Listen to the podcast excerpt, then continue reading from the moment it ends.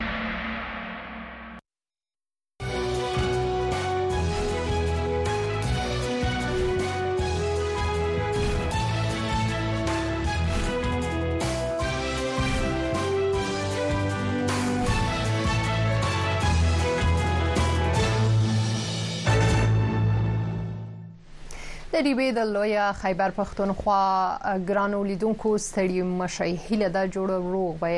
زه تاسو قربانه منظر شهید تاسو ته په نننۍ خبرونه کې هر کله وایم نن د فبرवरी نه هم نیټه د کال د 2024 د مهال وخت شوې دی په پاکستان کې د شپې ته په افغانستان کې ونیمه او دلته په واشنگټن ډي سي کې د ورځې لاس بجې دي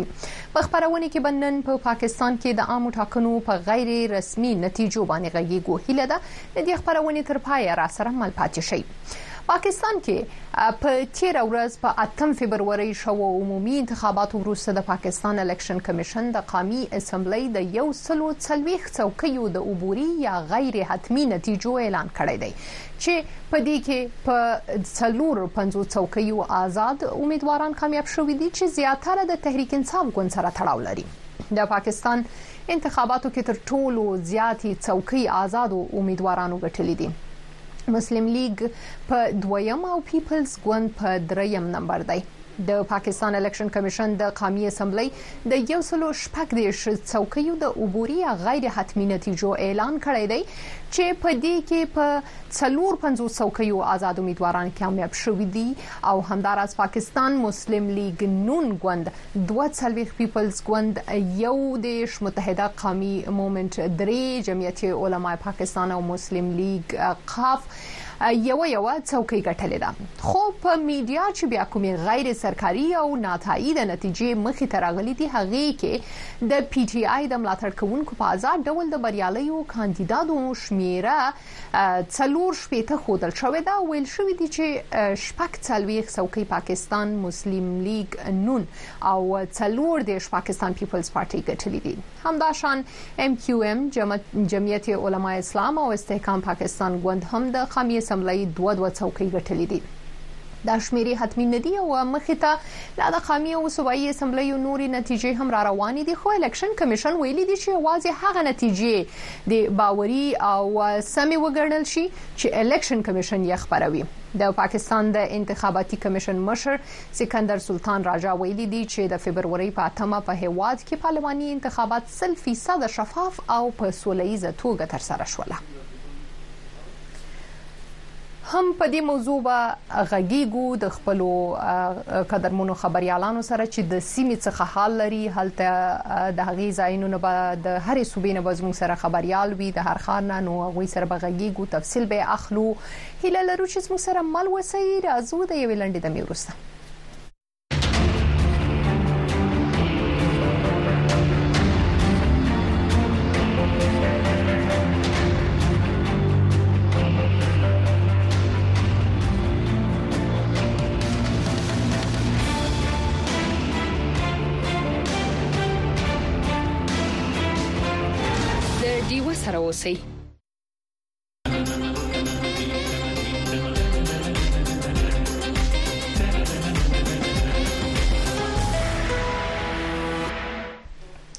بیا هم ستړي مشي د ملتیا مو مننه کوم چې را سره په پروګرام کې مالیاس موږ زو د اسلام آباد ولوري ته لکه څنګه چې تاسو ویل د ډي وی د خبريالانو او همکارانو څخه تاسو لپاره وروستي تفصيل راخلو او تاسو سره به په پروګرام کې شریکوو زموږ سره محمد الیاس خان صاحب ملګری شوی دی چې د اسلام آباد نه دا مهال د سکایپ د لارې دی ستړي مشي په خیر راغلی ډیره مننه مننه خوشاله اوسئ الیاس خان صاحب که څه هم ځینې شمیرې مو وړاندې کړلې لیدونکو سره مو شریک کړي خو ترڅو چې ما دغه خبرونه تیاروله لا وخت وو او اوس وګورو چې آیا کومې نورې نتیجې مخې ته راغلي دي څنګه ښکاری نتیجې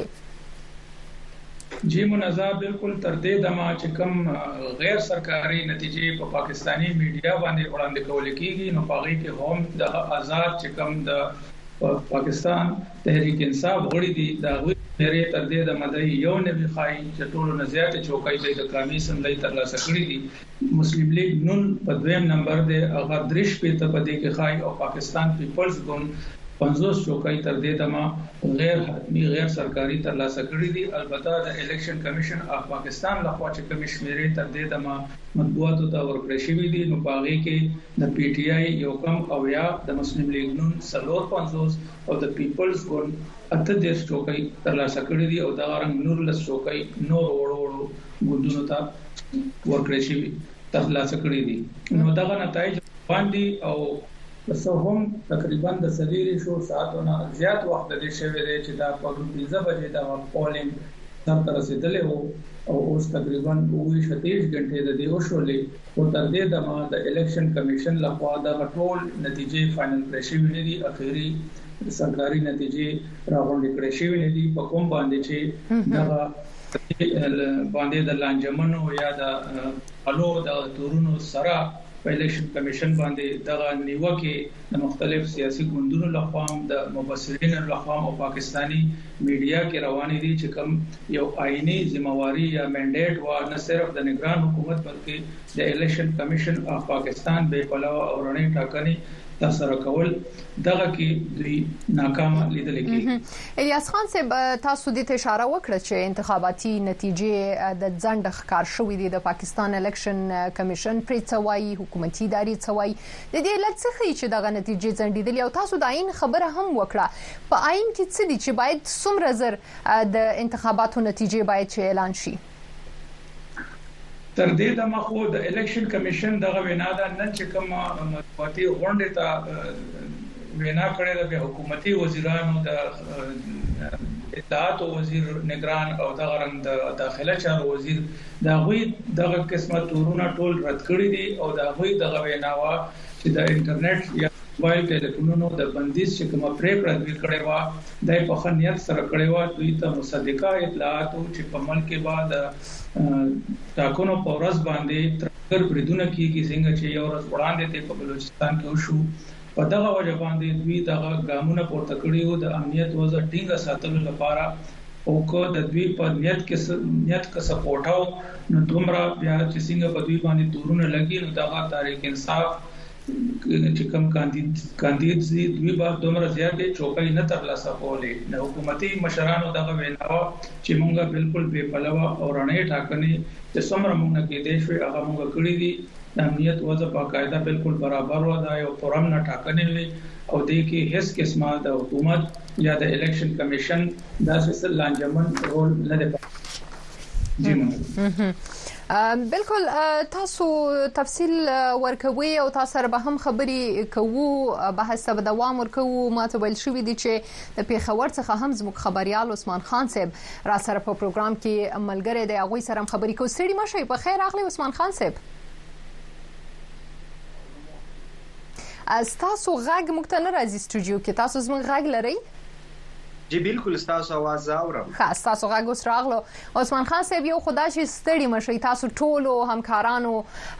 ډیر زیات کوریج کړی ډیر کار مو کړی دی ډیر تفصيلات مو راغونډ کړی دي د لیدونکو سره مو شیبه په شیبه خبرونه شریک کړی دي نو ستړي مشي او اوس هم پوهیږم چې تاسو کار لا نه دی ختم لا به دا دوام لري خو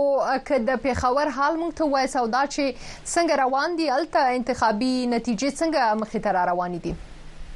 بلکل څنګه چې الیاس خان صاحب وویل چې یاره په ټول هیواد کې دغه د الیکشن نتیجې چې دي هغه لا تر دې دمه چې څلورویشت ساعتونه پکې تیر شول د ځنډ ښکار دي داسې په خیبر پښتونخوا کې هم د ځینو خلکو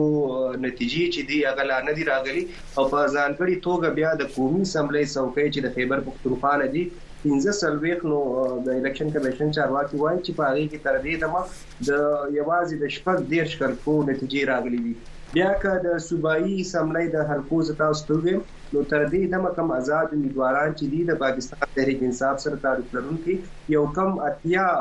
چوکۍ چې دي هغې په ترلاسه کولو کې کامیاب شوي دي او د ټولو نه سېوا سیټونه یې اخیستي دي. دا رنګه د مولانا فضل الرحمن صاحب چې کوم ګوند دی جمعیت علماء اسلام هغوی په شپږ سیټونو ترلاسه کولو کې کامیاب شوي دي مسلم لیګ نون نواز ډله چې دا څلور څوکۍ هغوی اخیستې دي د آفتاب احمد خان شرپاو چې کومه پارټي ده قومي وطن پارټي یو څوکۍ هغوی اخیستې ده جماعت اسلامي درې څوکۍ اخیستې دي چې په دې کې دوه په باجوړ کې اخیستې دي او یوې د دیر کې ګټلې دی او پاکستان پیپلز پارټۍ دا رنګ درې سیټونه ترلاسه کړي دي نو تر دې دمه د خیبر پښتونخوا چې کم یو سل 15 سیټونه دي په هغه کې دغه نتیجې تر دې دمه پورې راغلي دي ورسته به موږ د نورو همکارانو سره د میرمنو کوم کاندیدانې چې وې دا غوي په اړه هم په تفصیل سره غږیږو دا غوي شمیرې به اخلو او د دې ترڅنګ کومې چیرې دي چې د مهال هغوی ځلیږي او رامخیته شوې دي او په ځنګړي ډول د پښتونخوا څخه خو ورسته خبر راغله د عثمان خان صاحب چې خیبر پښتونخوا په شانګله سیمه کې ځینې پیخي رامنځته شوې دي د تحریک انصاف ګوند پلویانو او د پولیسو ترمنځ د الیکشن نتیجو پر سر باندې د احتجاج په مهال کوم نښتې شوې دي که تاسو د دې تفصیل له غونډې د لیدونکو سره شریک کړئ؟ بلکل د شنګلې ضلع چې دا ده د بونیر او د سوات سره لګېدلې ده او دا د کامي سملې یوولسم نمبر حلقه ده. په دې باندې د مسلم لیګ نون صوبايي صدر چې کوم دی انجنیر امیر مقام د هغه بریالی شوی دی او د هغه نتیجه اعلان شوې ده خو دغلته د پاکستان تحریک انصاف چې کوم ورکران دي هغوی د دغه نتیجې منلو نه انکار کړی دی او سهار لس بجو نه په الپورۍ کې کوم چې د دوی صدر مقام دی هلته کې احتجاج روان دی هلته چې زموږ کوم د ازادو ذریعو سره یا د پولیس چارواکو سره خبرې کړې دي هغوی وایي چې د انتظامی یا د الیکشن چې کوم عمله وه هغوی بلټ باکس او دغه کم د ووټونو پرچې چې دي هغه یې دفتر ته رسولې چې دغه مهال د پاکستان تحریک انصاف ورکرانو د آر او کم ریټرننګ افسر چی وه سیس هند د هغه په ګاړی باندی حمله کړی ده او هغه یی سوځولی دی هغوی دغه تور لګوی خو بیا انتظامیه او په ځانګړی توګه پولیس وایی چی په دغه پیښه کی دوه د پاکستان تحریک انصاف ورکران چی دی هغه وژل شوی دی او څلور پولیس اهله کار چی دی هغه ژوبل دی خو د پاکستان تحریک انصاف چی دغلته کم مقامی مشران دی هغه وایی چی په دغه تصادم کی یا په دغه جګړه کې څلور د دوی ورکران چې دي هغه مړ شوي دي. عثمان خان صاحب که څه هم تاسو هم وړاندې ذکر وکړو موږ هم خپل خبرو کې ویل چې د پاکستان انتخاباتي کمیشن مشر ویلي دي چې هواد کې دغه ټاکنې یو خدا چې سل فیصد شفاف شوې دي او بل دا ویلي دي چې ډېر په سولېزه توګه شوې دي خو موږ ولیدل چې د انتخاباتو په ورځ کله چې رای اچول کېدې هم ځینې پیښې شوې دي امنیتي پیښې او اوس هم چې کله نتایج اعلانېږي نو خلک په احتجاج هم راوتی داسې ښکاري خو خپل په پیښور کې ماحول څنګه ښکاري سیاسي ماحول څنګه ښکاري او خلک آیا آرامه دي؟ آیا دوی د انتخابي نتیجې چې تر دا مهال را روانې دي نو آیا د دې څخه مطمئن ښکاري او کنه دوی څه وایي سیاسي ګوندونه آیا کوم تورونه لګوي آیا کوم غبرګونونه لري او کنه منزه دې ځل که زه تاسو ته وایم حالات بالکل بدل دي په وروستیو انتخاباتو کې کله چې ووټونه وشول او پاکستان تحریک انصاف زیاتره څوکۍ اغستې وې، نو د پي ټي آی زیاتره ورکران سړکونو ته راوتي وو، هوایي ډزې به موږ اورېدلې، خو دا وارې صورتحال بالکل بدل دی، په ځانګړي توګه د پاکستان تحریک انصاف ورکران چې دي هغه موږ ډېر ارامه وینو، هغسې جشن هغوی نه دی کړی، هغسې خوشحالي یې نه ده نمانځلې. او له دې سره سره یو بل داسې ښکلی روایت په خیبر پښتونخوا کې رامخې ته شوی دی لکه که زه تاسو ته ویم عوامي نشنل پارټي چې دا دا یو لوی سیاسي ګوند دلته ګڼل کیږي خو د هغې مرستیال صدر چې کوم دی مرکزي امیر حیدر خان حوتي هغه نن ماسپښین خپل شکست منلی دی د ټویټر د لارې خپل مخالف امیدوارانو ته مبارکۍ ویلي دي او خپل پارټۍ چې کم څوکۍ د څوکۍ د ردی سره د سینیر نایب صدر د غینې د استعفی اعلان کړی دی دا ډول که زه تاسو ته ویم په پېښور کې د عوامي نشنل پارټۍ یو ډېره فعاله امیدواره سمر هارون بلور چې د دغه ګوند صوبایي ویانده ده او په تېر صوبایي سملۍ غړې هم پاتې شوې ده هغې هم خپل شکست تسلیم کړی دی او خپل کوم مخالف امیدوار چې دی مینا خان افریدي چې د پاکستان تحریک انصاف سره تعلق لري او په آزاد حیثیت باندې ولاړو نن سره د خپل زوی دانیال بلور د هغې حجرې ته ورغلي دي او هغې ته مبارکباد ورکړي دي یو په پیښور کې نن په ورسک روډ باندې د صوبایي سملۍ پخوانی کم سپیکر چې د پاکستان تحریک انصاف سره تعلق لرونکی محمود جان داغه د خوا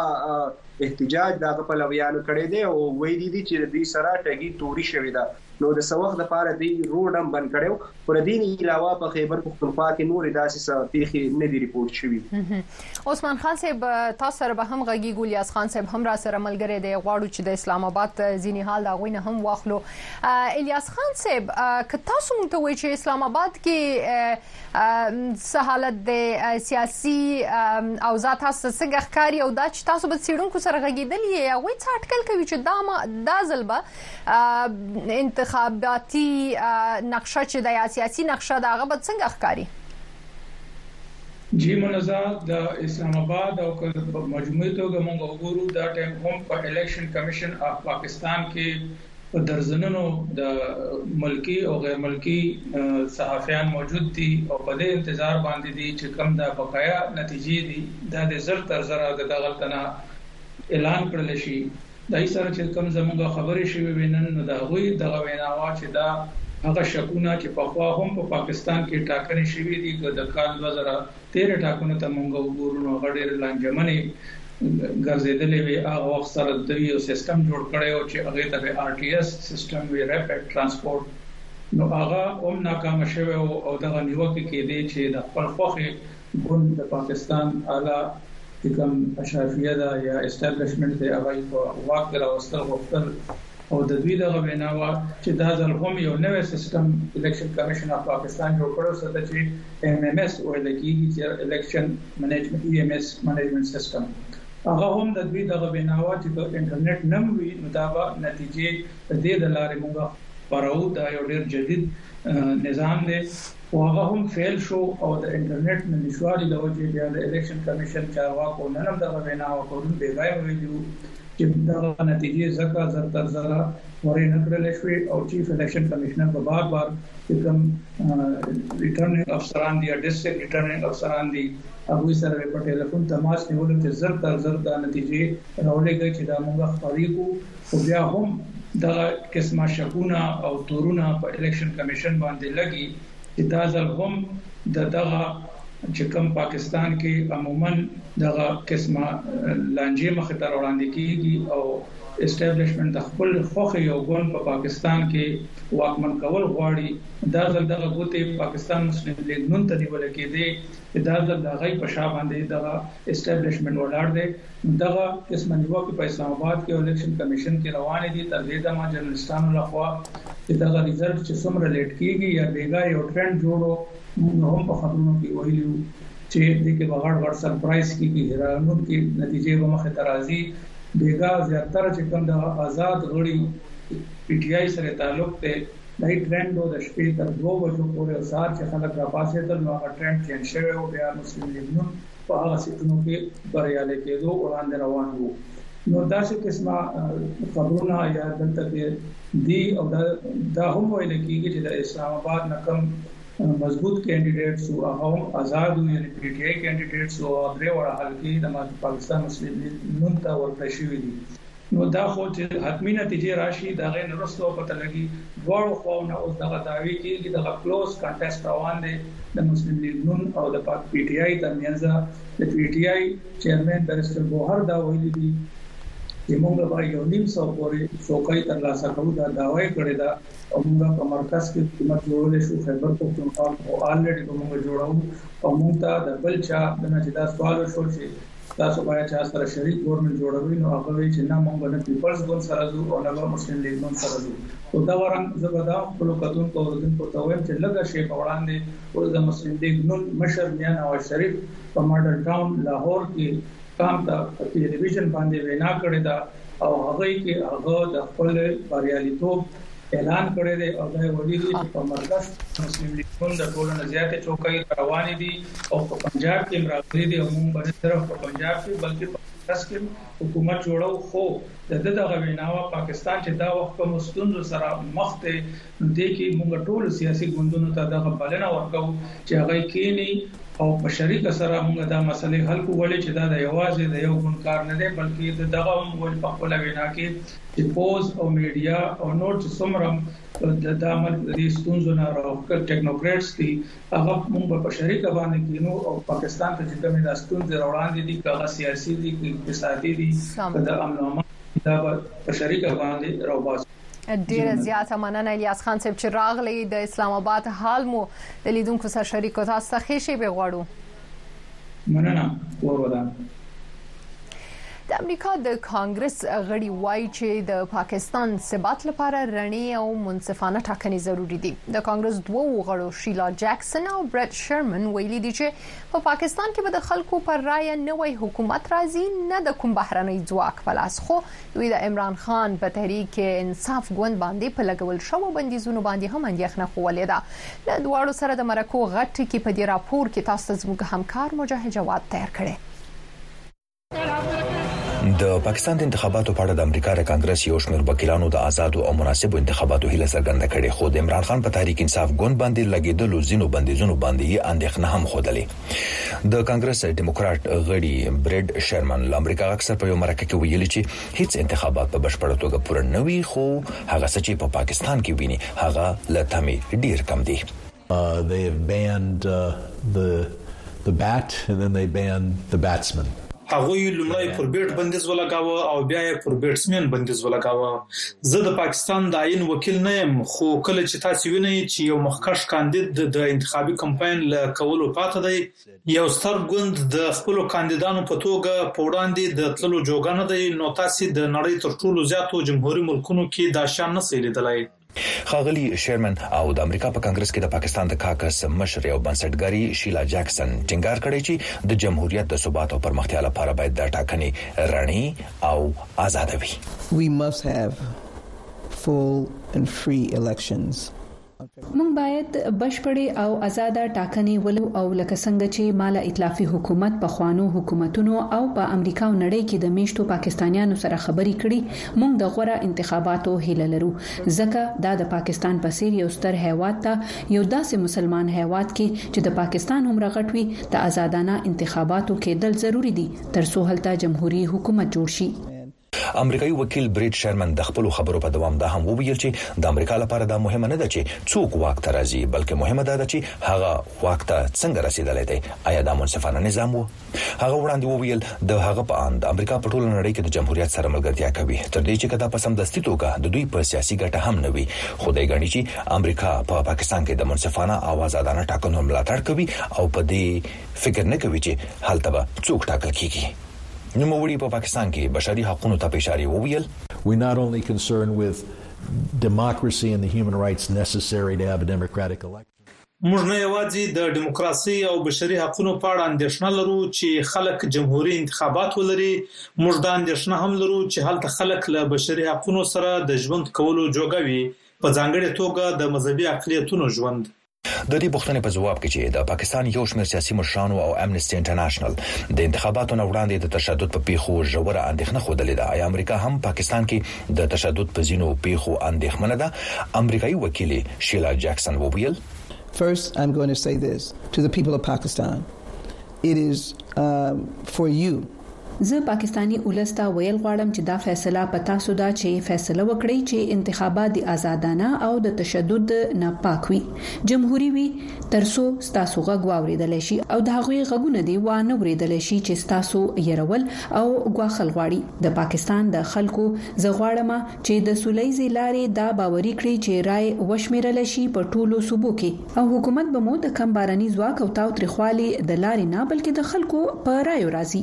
په پاکستان کې شویو پارلماني ټاکنو ته امریکا په ډېر غور او لېوالتیا سره ګوري، دا ځکه چې پاکستان د جنوبي اسیا یو مهم او اټومي طاقت لرونکی هېواد دی او د دې تر څنګ امریکا سره هم د اړیکو یو داسې اوږد تاریخ لري چې کله دغه اړیکې ښې پاتې شوي او کله کړکېچنې شوي دي. د پاکستان د تحریک انصاف ګوند مشر او پخواني وزیراعظم عمران خان د بې باورۍ په تحریک کې له واک څخه له لرې کېدو سره څو ځله تور پورې کړی و چې ځینې بهرني قوتونه دي چې دی یې له واک څخه لرې کړی او اشاره یې نېغ په نېغه امریکا ته وه خو ګڼو امریکایي چارواکو د عمران خان دا تورونه په خپل وخت رد کړي وه مجاهد جواد د امریکا غږ دیوه واشنګټن ډي سي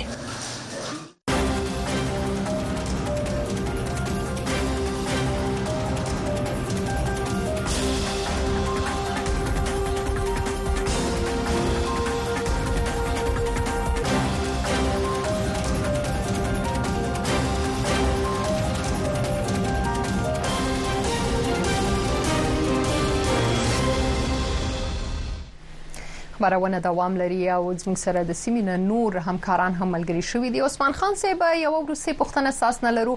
خپل خلک څه وایي تاسو بالته د خلکو سره خبري شوي وي څومره خوشبینه دي او د ټاکنو په د نتایجو په ځنډېدو باندې څه وایي یا کوم اندېښنې لري خلک جی بالکل چې کله نه پرون انتخابات شوي دي نو دلته کې په پاکستان کې د ټولنیزو رسنیو د لارې خلک دغه پوښتنې راپورته کوي چې تر دې دمه الیکشن کمیشن ولې ناکام شو چې څلوېرشت ګنټې تېرې شوې چې لا الیکشن جاري نه کړو. په پاکستان کې چې د انتخاباتو لپاره کوم قانون دی، الیکشن ایکټ د دوه زره او اوولس، د هغې تر مخه د انتخاباتو نتیجې چې دي هغه به د شپې د دوو بجو پورې جاري کول وي، خو که د دوو بجو پورې بیا جاري نه شي نو سبا سحر له د لسو بجو پورې وخت باقي ده چې دغه دي ورکړل شي خو دغه قانون باندې تر دې دمه عمل نه دی شوی او چيف اليکشن کمشنر چې کوم دی په مطبوعاتو کې دغه خبرې راځي چې وار په وار دغه د ريټرننګ افسرانو سره په تماس کې دی چې دغه نتيجې زر تر زره جاري کړې شي ولس هم دغه غوښتنه کوي نن موږ په مختلفو بازارونو کې ګرځېدلي يو اليکشن کميشن ته تللي زياتره اميدواران هلته هم راغلي د اليکشن کميشن د چارواکو يې غوښتل چې دوی ته ریزلټ دي چې دوی هغه دې ورته جاري کړی شي خو تر دې دمه اوس هم ځینې حلقې پاتې دي چې په هغې باندې ختمي نتیجې لا نه دي راغلي. ډیره زیاته مننه عثمان خان صاحب چې راغلی زموږ سره مل شوي او دغه ټول تفصیل مو د لیدونکو سره شریکو تاسو ته ښه شی به غواړو ډیره مننه د ټي وي ګرانو لیدونکو او اوریدونکو زموږ سره د اسلام آباد څخه ملګری کیږي رابیا پیر زموږ د ټي وي خبريال او زموږ قدرمن همکار د غوینه به د میرمنو کاندیدانو په چرناټ باندې پښتني کوو او تفصیل به تاسو سره شریکو نو رابیا پیر ته هر کله وایو په خبرونه کې ستړي مشه په خیر اغلی ګرانه ډیره مننه سلامونه تاسو ته هم او اوریدونکو ته هم جی. وعلیکم السلام رابعه پیر موږ خو د اسلام آباد نور سیاسي حال د الیاس خان صاحب څخه واورید تفصیل او کوم غیر حتمی نتیجې چې تر اوسه مخې ته راغلي د هغه شمار شمیرې مو هم ترې واخیستې خو غواړو چې د میرمنو کاندیدانو په اړه هم لغوندې لیدونکو ته معلومات ورکو تر اوسه کومې داسې چیرې زلیدلې دي هلته د اسلام آباد نه په ځانګړي ډول کومو میرمنو که تاسو زموږ سره نمونه او لغوندې تفصیل شریک کړئ مخې ته راغلي دي په نتیجو کې منصه د سیدی چې د پاکستان د الیکشن اکټ چې دوه زره او اوولس د دوه سوه او شپږ د برخې لاندې دې ځل ډېر زیات زنانو ته جنرل سیټونو باندې ټکټونه ورکول لازمي ګرځول شوي وو او پر دې باندې شاوخوا ډېرو ګوندونو چې دوی هغه ښځو ته ټکټونه ورکړي هم وو او ډېر زیات ټکټونه هغه ازادو کاندیدانو ډیر زیات برخه اخستې وه کوم چې د تحریک انصاف په حمایت باندې دغه ټاکنو کې برخه اخستله مسلم لیګ نواز ډلې هم ورکړي وو ټکټونه دغه رنګه پیپلز ګوند هم ورکړي وو نور ډلو هم دغه رنګه ټکټونه ورکړي وو خو موږ ګورو چې مهم کوم نومونه چې راوتي دي کوم چې ګټلې ده په هغه کې تر ټولو زیات مهمه د مسلم لیګ نواز ډلي مریم نواز ته چې هغه پر صوبایي اسمبلۍ باندې خپل چوکۍ ګټلې ده د دې ترڅنګ د یاسمین راشد چې د آزاد کاندید په توګه پخوانی وزیر و د صوبایي وزیر و هغه ډیر زیات ټف یعنی سخت مقابله د نواز شریف سره وسوه خو نواز شریف په دې کې بریالی سو او هغه یې دغه چوکۍ ترینه وګټله او په سند کې موږ ګورو چې نفیسه شاه چې د قامي اسمبلۍ غړې وه هغې ګټلې ده دغه رنګه څه داسې نوري ازادې کاندیدانې دي لکه موږ ګورو چې په خیبر پښتونخوا کې مینه خان د د بخښنه غواړم د شاندانه ګلزار د چې هغه د د قامي اسمبلۍ دېرش، NA دېرش، څخه د پېښور سخت ګټلې ده. دغه هغه مهمې کاندیدانې دي چې تر اوسه پورې مخې ته راغلې دي، د دوی دوی بریالي شوي دي خپل په پر چوکۍ باندې، خو موږ ګورو چې په صوبايي اسمبلیو کې هم څه داسې نومونه مخې ته راغلي دي او هغه هم اوس که زه تاسو ته شمېرې دروښیم چې په مکمله توګه د دې څخه وړاندې په د ټاکنو څخه وړاندې په شپږم فروري باندې فافین چې کوم د شفافو ټاکنو یو یو غیر دولتي تنظیم دی هغه ویلي و چې یوولس سوه یو سل یوولس سیاسي ګوندونو چې دی هغه یې دوه سوه اتیا کاندیدانو ته ووټونه ورکړي دي، ښځو کاندیدانو ته پر جنرال سیټونو باندې، خو په دې کې موږ وینو چې ډېرې کمې راوتې دي، هغه یې په شمېر باندې پر ګوتو باندې شمېرل کېږي چې هغه یې خپل سیټونه ګټلي دي او زه یوه ډېره مهمه چې نوې راغلې وه په ازاده توګه باندې ریحانه ډار هغوی هم په ډیر ټف او په سخته مقابله کې چې دوی خپل سیټ ګټلی دی او هغوی هم د تحریک انصاف حمایتي وه نو ټا شمیرې خو تاسو ته دا دي معلومې دي چې تر اوسه پورې ووټونه شمیرل کیږي او تر اوسه پورې دغه نتیجې را روانې دي. خو مهم دغه هغه ښځې وې چې تر اوسه پورې یې ګټلې دي او مخې ته راغلې دي، که څه هم دا ویل کېدو چې په پنځه فیصده سیټونو باندې ورکول شوي دي او که څه هم څه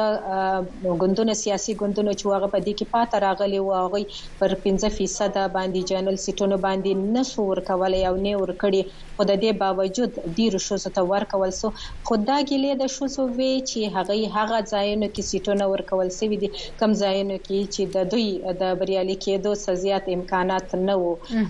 نو اوس به په راتلونکي وخت کې موږ دا ګورو چې کوم مخصوص سیټونه دي د زنانو پر هغوی باندې به هم د ګوندونو له اړخه ښځې ټاکل کېږي او هغوی به پارلېمان ته راځي، یعنې درو دېرش فیصده چې دی هغه ښځې به هم وي چې پارلېمان ته به راځي، نو یو ښه شمېر یې به پارلېمان ته راځي، خو موږ بېرته هم وینو چې ډېر کم به یې د هغه خلکو په مقابله کې چې کوم نارینه به راځي او اوس هم کوم خپل ضرورتونه دي، خپل ستونزې دي، خپل کومې غوښتنې چې به وي، د ښځو کوم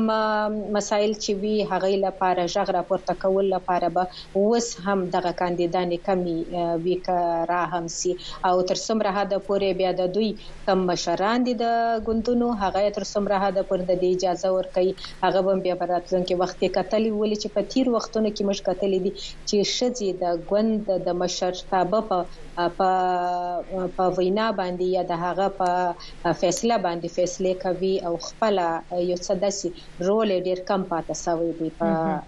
قامي اسمبلۍ کې وي که په صوبایي اسمبلۍ کې وي هو رابعه پیر ستا سره به هم خبرو ته دوام ورکوو زموږ سره د بلوچستان صوبې د کوټې ښار نه ملګری شوی دی زموږ همکار حفیظ الله ستوری شرانی صاحب غواړو چې د بلوچستان صوبې حال ترې واخلو ستړي مه شئ پخير راغلئ خپرونې ته حفيظ الله ستوری شيراني صاحب.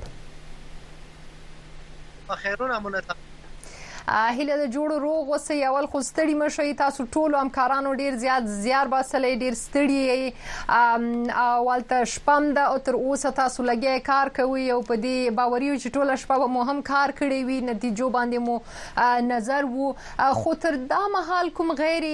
رسمي نتیجې چې مخې ته را روان دي د بلوچستان صوبې هغه څنګه ښکاري که د دې په اړه لږ غوندې تاسو د لیدونکو سره معلومات شریک کړئ تر اوسه پورې شاوخوا د حلقو او د دوه حلقو ووایو په بلوچستان د صوبایي اسمبلۍ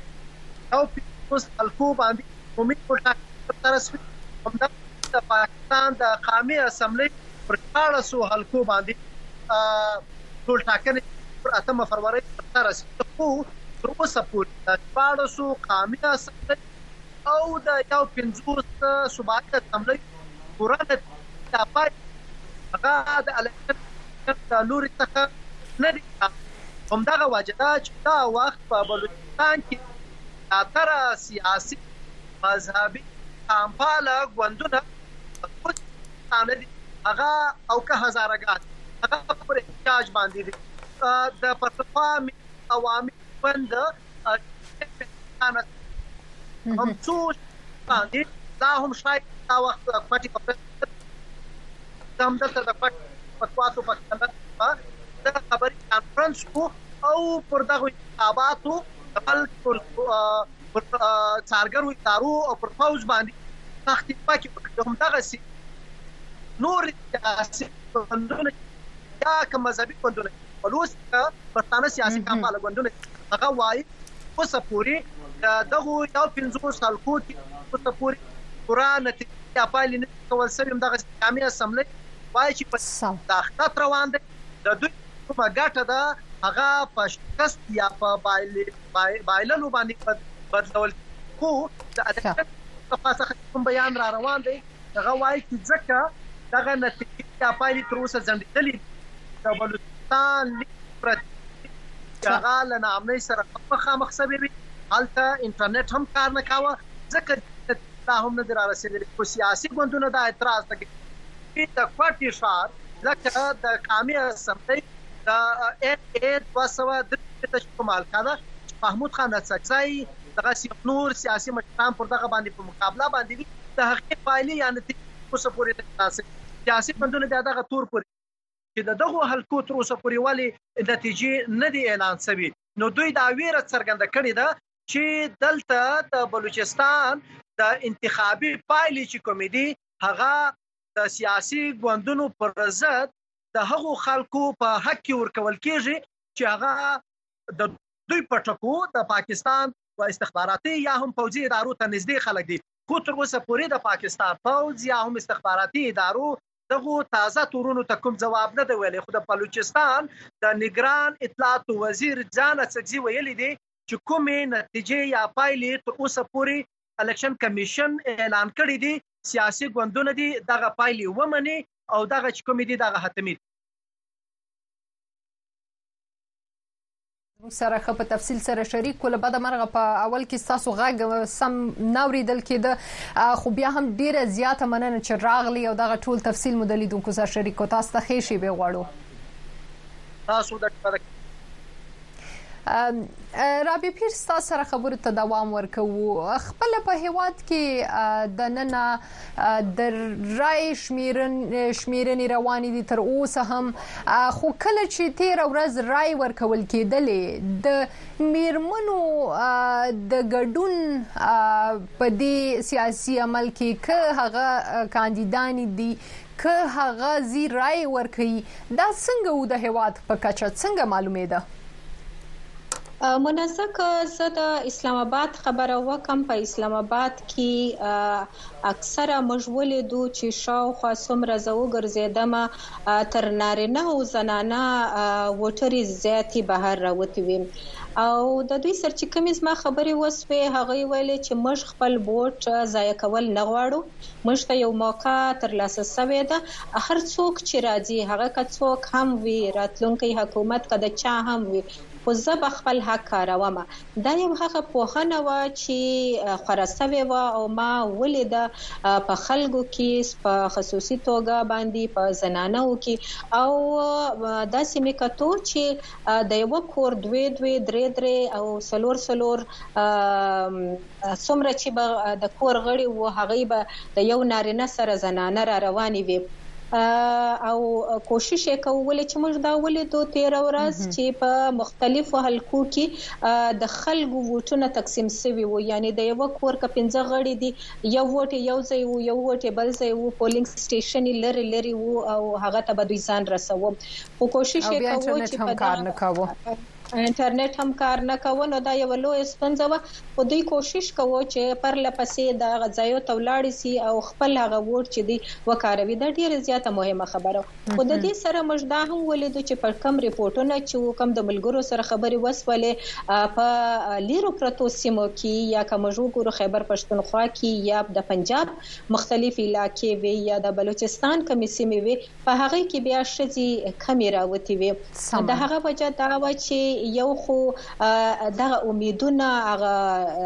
بې باوري ډېره زیاته وه، امیدونه نه وو چې څوک به راځي، ایا د دوی کوم کاندید چې دوی ورکول غواړي ووټ، هغه به راشي که به نشي را او دغه شمېرې یا دغه ووټونه چې اوس هم څنګه چې شیراني ورور وویل چې اوس هم خلک نیوکې کوي او تورونه لګوي، دغه رنګه د خلکو هم بې باوري پرون هم موجوده وه چې وګورو چې څرنګه راځي، خو ولیدل شو چې د ښځو او په خصوصي توګه ځوانانو ښځو او د هلکانو د ځوانانو دغه برخه ډېره زیاته وه، د دوی ګډون په کې زیات ښکاره کېده. ډېره زیاته مننه راویه پیر چې زموږ سره ملګري سوئ، تاسو ته ښه وخت غواړو. ډېره مننه، کور مو ودان، په مخه مو ښه. زموږ سره دا مهال د پیښور نه ملګری شوی دا زموږ همکار سادیه قاسم شاه غوي تر کلی وایو سړي مشي په خیر اغلی سادیه قاسم شاه ډیره مننه منزه یو خدا چې تاسو ټول بستړي هر همکار تم دا ول چې ستړي مشي او تاسو باندې کار هم په دې ورځو کې زیات دی واځي خبره ده د لیدونکو لپاره تاسو تفصیل را غونډوي او په کار باندې بوخت یې تر دې دمه د خیبر پښتونخوا نه د خزو کاندیدانو چې کومې انتخابي نتیجې مخې ته را روانې دي هغه څنګه ښکاري منځه څنګه خو تاسو ته پته ده چې په پاکستان کې پرون زما په خیال څوک اوده شوي نه دي او د نتیجو په انتظار خلک د پرون نه دي او هغه شانتي د حتمي نتیجې رو رو را روانې دي خو اوس هم لا پوره نتیجې نه دي راغلي خو د خیبر پښتونخوا که موږ د خزو ووټینګ ته وګورو یا د خزو امیدوارانو کارکړتګي ته وګورو نو خوشحالي یو خوشحالي خبره ده د یو خزي په حیثیت چې د وچران هم که د هر عمر وچران راوتی وي څنګه چې دا بیا خبره وکړه خو که موږ وګورو د بونیر پی کې انزیشتم پی کې 25 نه کوم سویرا پرتا شو هغه چې کوم ټویټر باندې په خپل هم د خلکو شکریا ادا کړې ده نو ښکاري چې هغه هم مخکې مخکې ده او زما په شان ګټلې ده، غیر حتمي نتیجه خو داسې ده او شاندانه ګلزار د ایم ای ترټي د پېښور چې کوم دا بهرني کلیوال علاقې دي هغوی سره یې کمپاین کولو او د مشکلاتو نه باوجود څنګه چې هغوی ګوند ته کوم مشکلات وو د باوجود د یو ښځې په حیثیت هغوی داسې مخکې ته راتلل کمپاین کول هغوی ګټلې څیړنې ته د ایم ایس ای ټي او دغه شانتې سمر بیلو د عوامي نشنل پارټۍ چې کوم ویاند هم دي هغه دویم ځل وګټله پېښور ښار کې خپل حلقې نه دویم ځل ګټلې ده او کومنګ ګورو د الیکشن لحاظ سره مختلف ځایونه نه د الیکشن په نتیجو مخ ته احتجاجونه هم کیږي نیوکې هم کیږي خو سمر بلو ما کتل چې یو خل روایت قائم کو لار خپل سحر وختي خپل زوی سره هغه امیدوار چې کوم هغه نه بایللې وه چې مینا افریدي هغه سره مینا افریدي سړی سړی نوم دی نو هغه چې د لاړ او وسره لکه ګولونه ورکړل او یو خو پیغام ورکړ نو خو که زه وګورم چې پیپلز پارټي دا قوانین نشنل پارټي دا چې پی آی دا خزي مخکې راغلي دي د چیلنجز نه باوجود خنتیجه خای تر اوسه پورې چې کوم نتیجه راغلي دي نو هغه لګي ډیر ښه نتیجې دي ډیره زیاته مننه سادی قاسم شاه چې راغلی زموږ سره مل شوی او موږ خو د خیبر پښتونخوا نور سیاسي حال هم له همکارانو وو پښت خو موږ غوښته چې تاسو سره په ځانګړي ډول د میرمنو پښمیرو باندې او هغه چیرې چې ډیره زلیدلې دي را مخته شوې دي په غي باندې وغږی ګو تاسو هم ډیر ښه تفصیل راغون کړي او ډیره زیاته مننه تاسو ته خو غواړو مهرباني. د ډیوې ګرانو لیدونکو او اوریدونکو خبرونه دوام لري غواړو چې په خبرونه کې ستاسو سره یو مهمه ریپورت چې هم د پاکستان د ټاکنو سره تړاو لري د 13 ورځ کله چې ټاکنې او رائے ورکول ورکول سرته ورسېدل نو له هغې وروسته تر اوسه د رای شمیرنې دوام لري تر اوسه یو څه غیر حتمی نتیجې مخې ته راغلي دي خو لا د اخیری نتیجې نه دي او تر اوسه لا په رسمي توګه ټول نه دي تایید شوي او اعلان شوي خو د دې ځند علت او همداراز نور تفصیل یې ټول تاسو لپاره راغونډ کړی دی د اسلام آباد څخه ارشد حسین چې تاسو په خپل ریپورت کې وړاندې کړئ د نګران حکومت لخوا د رای اچولو پر ورځ ګرد هیواد کې انټرنیټ او موبایل سرویسز تړل شوي وو او د انتخاباتو د کمیشن د مشر وینا وه چې د انټرنیټ د تړلو له وجې به انتخابي نتیجو په راغونډولو باندې هیڅ بد اثر نه پریوځي. خو تېره ورځ د ماښام تر پنځو بجو پورې د رای اچولو د وخت ختمېدو نه پس هم د دې رپوټ تر چمتو کولو پورې انتخاباتو کمېشن حتمي نتیجې نه دي اعلان کړې او انتخابي کمېشن وايي چې د دې لویه وجه انټرنېټ سروېس تړل کېدل وو. هغې باوجود چې د شپې لېټ نایټه پورې ډېر سره داسې نتایج او ریزلټ هغه چې کوم راتلل نو هغه داسې او دغه جوړېده چې اوس به عوام هغه یو رائے داسې و چې اوس د د دې د پی ټی آی حکومت دوباره را روان دي لیکن اوس چې کوم رو رو رو رو رس روته او د روز تیریږي ان اوس غ حالات نور تبدیلیږي او داسې پته لګي چې هغه چې کوم نتایج دی هغه تبدیل شوي یا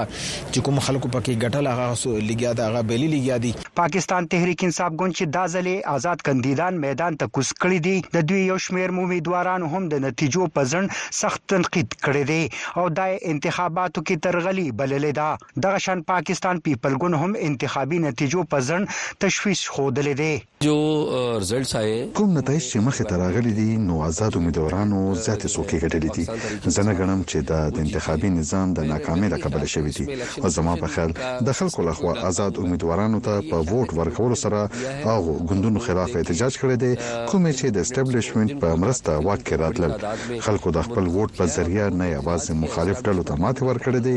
بلکې هغوی د خپل ووټ د لارې اسټبلیشمنټ ته شکست ورکړی دی. په پاکستان کې د انتخاباتو نه پس هم د حتمي نتجيو مخې ته په نه راتلو امريکې ويلي چې تر کومه پورې دا ټول سرکاري نتيجې نه وي جاري کړې شوې نو امريکا پاکستان کې شوي انتخابي عمل باندې څه بيان نه شي ورکولې د حتمي نتيجو مخې ته په راتلو کې د ځنډ له کبله موجوده وخت دا نه ده ښکاره چې مرکزي حکومت به کوم يو ګوند جوړوي البته صوبو کې تر اوسه پورې راغلي نتيجو تر مخه خیبر پښتونخوا کې د پاکستان تحریک انصاف ګوند حمایت یافته ازاد کاندیدانو ډېرې څوکۍ ګټلې دي، په پنجاب کې مسلم لیګ نون او په سند کې تر دې وخته پورې پاکستان پیپل ګوند تر ټولو زیاتې څوکۍ ګټلې دي او د بلوچستان صوبې صورتحال تر اوسه پورې نه دی ښکاره شوی. ارشد حسین،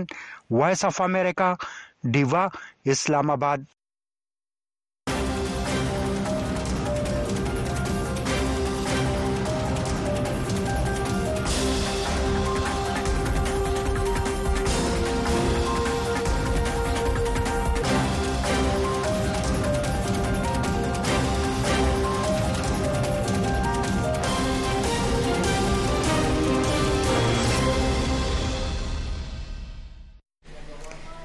خبرونه دوام لري او په خبرونه کې د ملتیا مو مننه کوم چې را سره تر دادمه عمل یاستاسو د بیلابیلو صوبو حال د ډیوی د خبريالانو څخه واورید روستي حال او نتایج مو هم واوریدل خو غواړو چې په خبرونه کې تاسو سره چیرنه هم شامل کو دا مهال په استودیو کې زموږ سره ملګری شوی دی زموږ همکار او د ډیوی مشر نفیس ټکر سیب ورته هر کله وایو سړي مشه په خیر راغلی نفیس صاحب دا مهال تر کوم حد چې کومې غیر رسمي نتیجې مخې ته را روانې دي یا ابتدایي نتیجې مخې ته را روانې دي سیاسي نقشه څنګه ښکاري حکومت به څوک جوړوي دا سره چې د وخت کې خو چې څنګه د نتیجې راځي او د نیمې نه نږدې زیاتې نتیجې راغلې د قامي اسمبلۍ او دغه شانتې د صوبایي اسمبلیو نتیجې هم را روانې دي خو که موږ صرف په قامي اسمبلۍ باندې خبرې وکړو ځکه چې مرکزی حکومت به د قامي اسمبلۍ په اساس جوړیږي نو هلته کې دا نتیجې چې دا ګډې وډې دي ګډې وډې په دې حساب باندې دي چې کوم یو ګوند واضح اکثریت نه لري یوازینی په ګوندیز سیاست کې که موږ وګورو یوازینی ګوند چې ټولو نه زیاتې څوکۍ اغستي هغه د نواز شریف پاکستان مسلم لیګ نون ډله ده ورپسې بیا پاکستان پیپلز پارټي ده به یو بل ډله هم شته چې هغه ته آزاد امیدواران وایي د هغوی د بریا کچه چې کوم د هغه بیر د دوانو ګوندونو نه ډیره ده پاکستانی مطبوعات او تحریک انصاف دا داوا کوي چې دا د دوی غړي دي دا چې کم آزاد کسان دي خو دا لا پوره معلومه نه ده چې دغه او یا لګ بګ څومره خلک چې دي دا چې پاس شوی دي د آزاد کاندید په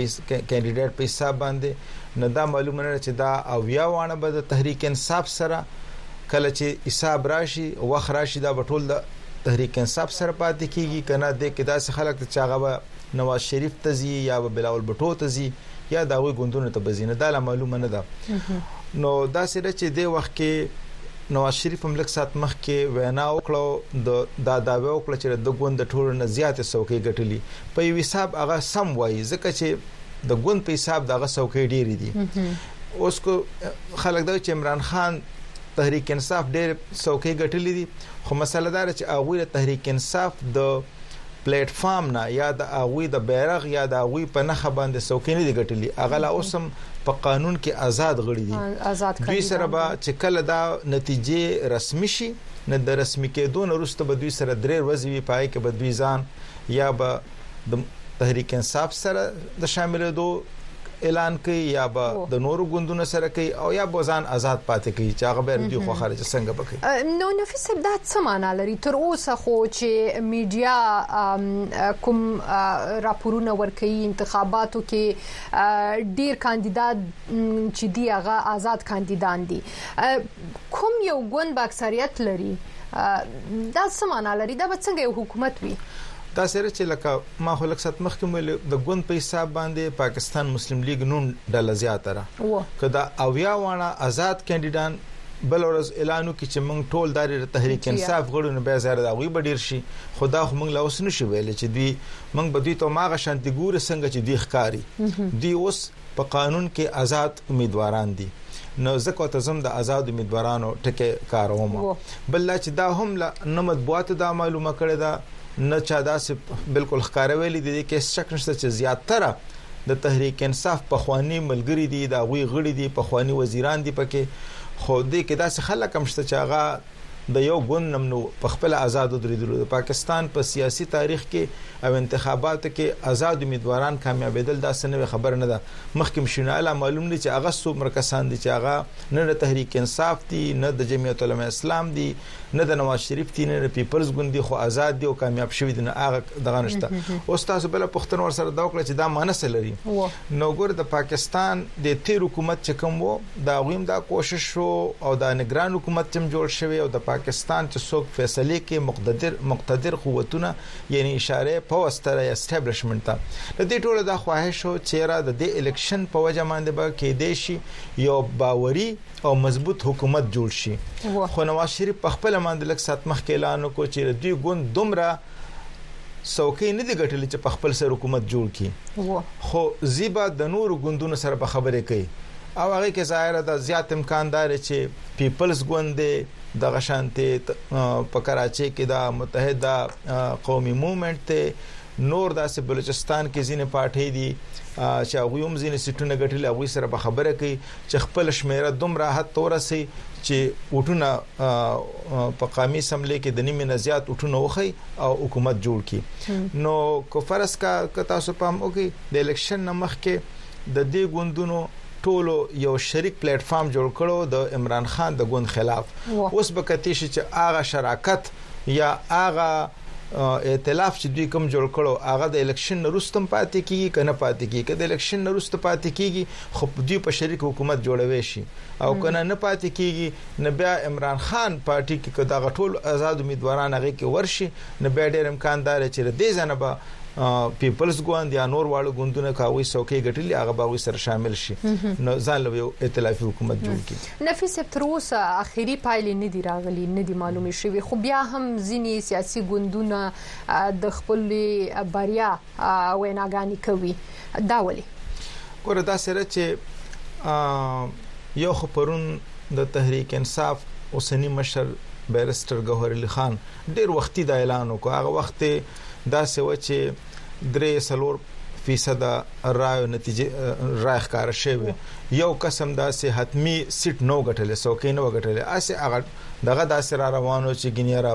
فلانه مخ کې روان دي دا بلوچ دا خو درې څلور سو پولینګ سټیشن ټول ریزلټس راځي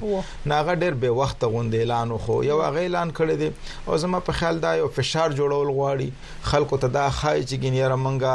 الکشن ګټلی دی او که بیا وروسته نتیجې ګډې وډې شي نو بیا به د دوی هغه د تورونو واله قصه چې کوم ده چې دې کې ټګي شوې یا برګي شوې نو دوی سره به بیا یو د غم وی چې مونږ خو اول ورځ نه ویلو چې مونږ ګټلې خو مونږ ته بیا د شپې 12 بجې یا 3 غنټې پس یا 10 غنټې پس چې کوم دي نتیجې بدل کړي او دا اوس چې کوم نواز شریف کو امکان دار چې دی هم خپل ووټرانو ته خپل چې دوی کوم ملاتړي دي هغه ته یو پیغام ورکوي چې ګنې د لا په میدان ولاړ دي سیاست کوي او دا چې د حکومت جوړولو پوزیشن کې دي او د یو حد پورې ما څنګه چې وختي وي نه دا خبره د اړتیا کوي چې ګوندي سیاست ته موږ ګورو نه د نواز شریف ګوندې وخت کې زیات څوکۍ ګټلې دي عمران خان خلکو به ډېر ګټلي خو له هغه آزاد امیدواران ګڼل کېږي لکه څنګه چې تاسو یادونه کړو اوس په شانګله کې هم د نخښتو د پی ټی آی د پلویانو او د پولیس ترمنځ نخښتي شوې دي احتجاجونه پیل کړي دي خو کرا شو نړیوالو ولوري ته نړیوال سارونکو آیا تر اوسه د پاکستان په ټاکنو باندې څه ویلي کنه دی ویلي ځکه نتیجې هم ډېر ځنډېدلې دي د پاکستان عین مطابق کوکتل شي پاکستان کې ګور خپل الیکشن کمیشن مشرم دی څو څومره د انتخابي کمېشن څومره غړي دي او د نتایجو راغونډولو کې د پولینګ د خلکو ټونو اچولو کې چې څومره مرسته شي په اخر کې پرون هغه مرته ویل چې دا نتیجې زر زر خوروي خو د پاکستان حکومت وایي چې د انټرنیټ په وجه باندې دا نتیجې چې کوم دي دا ډیلی شوې دي یا ناوخته شوې دي نه دا شې چې کوم دي په دې باندې نیوکه کیږي او چې تاسو د پروګرام ته راتلم د دینه مخ کې یورپین یونین یا اروپאי اتحادیه هم یو سټیټمنټ یا بیان ورکړی دی هغه دا وایي چې الیکشن خو پاتم تاریخ باندې وشو خو هغه د یو څو شان پکې خوښ کړی نه دی یو دا چې په غرض باندې انټرنیټ بند وو دا سیزه پکې یاد کړي بل دا چې لیول پلینګ فیلډ ځینې چاته نه و یعنی یو شانته میدان دار چاره پاره نو دا خبره کړې ده او دا خبره هم کړې ده چې ګنیرا ځینې مذهبي لګکی چو زما په خیال چې راغوي اشاره احمدیانو ته و یا قادیانانو ته و چې هغه ته هغه شانته برخه ورنکړې شو نو دا خبرې کړي خدا سي لاسنه دی ویل چې ګنیرا په دې ټاکنو کې درغلي شوې ده کې د شي هغه دی بیرسته یا سبا پریس کانفرنس کې هغه کې به د نور معلومات مو نفیس صاحب که څه مونږ په دې باندې غږیدل یو کې د شي چې لیدونکو تر ډیر حدا خبر وي چې د پاکستان چیلنجونه څه دي د محل او نوې حکومت چې به جوړیږي د هغوی د پاره به نفیس صاحب لوی چیلنجونه څه وي ګوره دا سره چې د پاکستان اقتصاد د هر نوي حکومت لپاره ډېر لوی چیلنج دی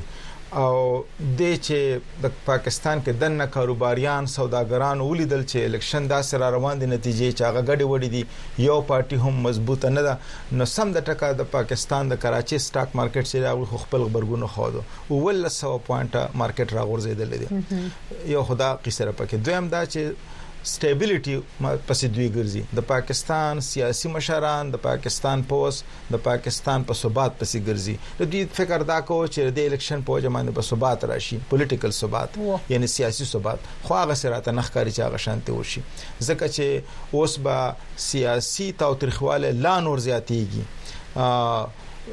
بے باوري به نور هم زیاتېږي الیکشن که یو پارټي بالکل د حکومت نه بار پاتې کیږي لکه د عمران خان په صورت کې نه دا به نور هم سړکونو باندې به پولیټیکل وایلنس یا سیاسي تشدد دا به نور هم ډیریږي بل دا چې ګوره په صوبو کې حکومتونو بدل بدل شي په خیبر پښتونخوا کې امکان دار چې دا ټول آزاد امیدواران د تحریک انصاف سره ځان رجستر کړي نه د دې حکومت به جوړیږي او که په مرکز کې به د بل چا حکومتي نه دا مسله او بیار وخت وی د صوبې او د مرکز ترمنځ جګړه دا بم وی دا سکه بلوچستان هم نه تم دا قصې وی کو پنجاب یل تم دا قصې وی یوازې نه چې اوس پر ښکاری سند کې ډېر امکان دار چې پیپلز ګوند په خپل سر باندې حکومت جوړ کی نور دروانو صوبو کې دا سه